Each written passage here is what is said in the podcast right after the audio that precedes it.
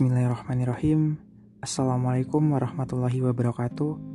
Alhamdulillah Pertama-tama marilah kita panjatkan rasa puji dan syukur kita Atas kehadirat Allah subhanahu wa ta'ala Yang karena rahmat serta hidayahnya Kita masih diberi kesempatan Kita masih diberi kesehatan Untuk terus belajar mengenai agama Islam.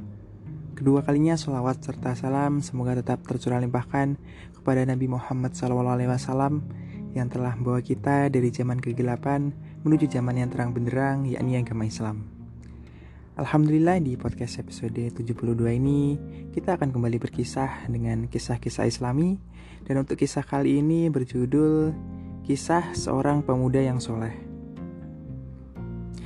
Dikisahkan Muhammad bin Daud bercerita kepada kami.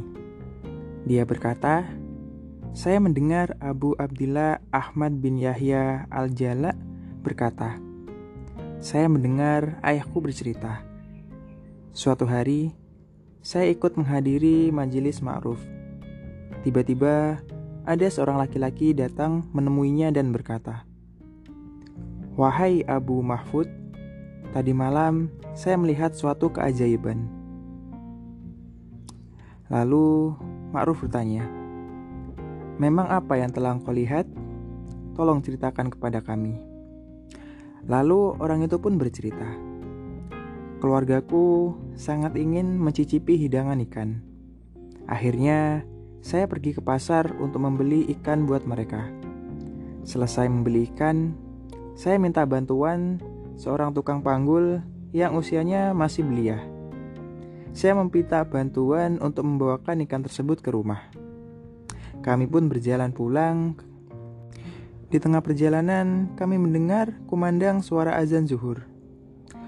Tuan, mari kita sholat dulu, kata tukang panggul kepada saya.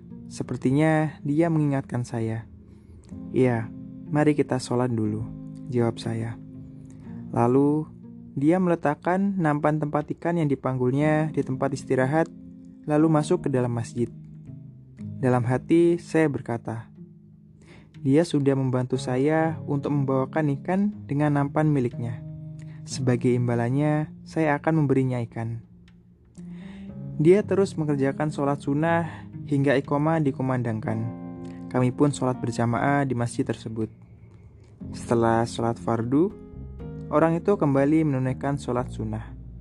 Kemudian setelah selesai, kami keluar dan mendapati nampan tempat ikan tersebut tetap berada di tempatnya dan utuh. Kami pun melanjutkan perjalanan pulang ke rumah. Sesampainya di rumah, saya bercerita kepada keluarga saya tentang tukang panggul tersebut dan keinginan saya untuk balas budi kepadanya. Mereka berkata, "Jika begitu, tawari orang itu untuk ikut menikmati hidangan ikan bersama-sama." Nak, Maukah engkau ikut menikmati hidangan ikan tadi bersama kami? Kataku kepadanya. Maaf, saya sedang berpuasa. Jawabnya. Kalau begitu, berbukalah di rumah kami. Kataku kepadanya. Baiklah, jawabnya dengan sopan.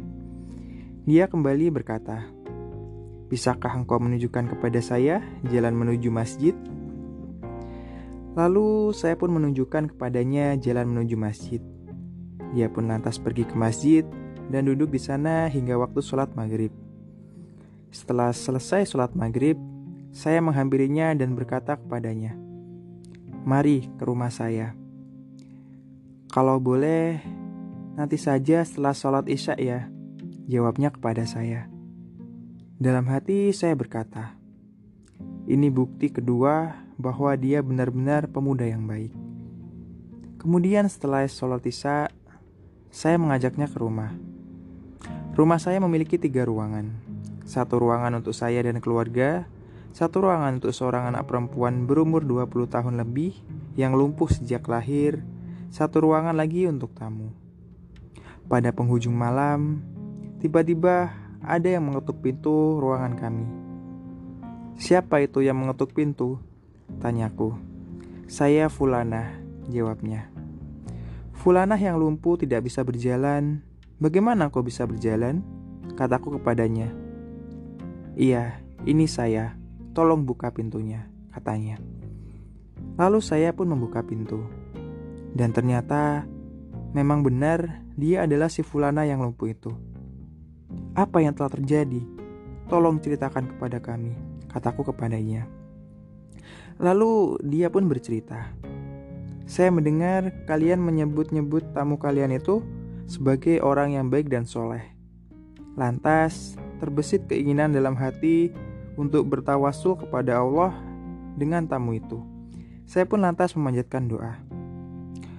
Ya Allah, saya bertawasul kepadamu dengan tamu ini dan kedudukannya di sisimu. Berilah saya kesembuhan dari penyakit saya ini. Lalu, saya coba berdiri dan berjalan. Ternyata bisa, dan saya pulih seperti yang kalian lihat. Setelah itu, saya beranjak pergi untuk menemui tamu saya tersebut di dalam biliknya.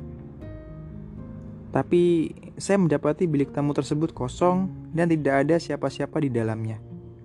Kemudian saya berjalan menuju ke pintu rumah. Ternyata masih terkunci seperti sedia kala. Selesai menuturkan kisah yang saya alami tersebut, Ma'ruf berkata kepada saya, Benar, para wali Allah ada yang masih belia dan ada yang dewasa. Wassalamualaikum warahmatullahi wabarakatuh.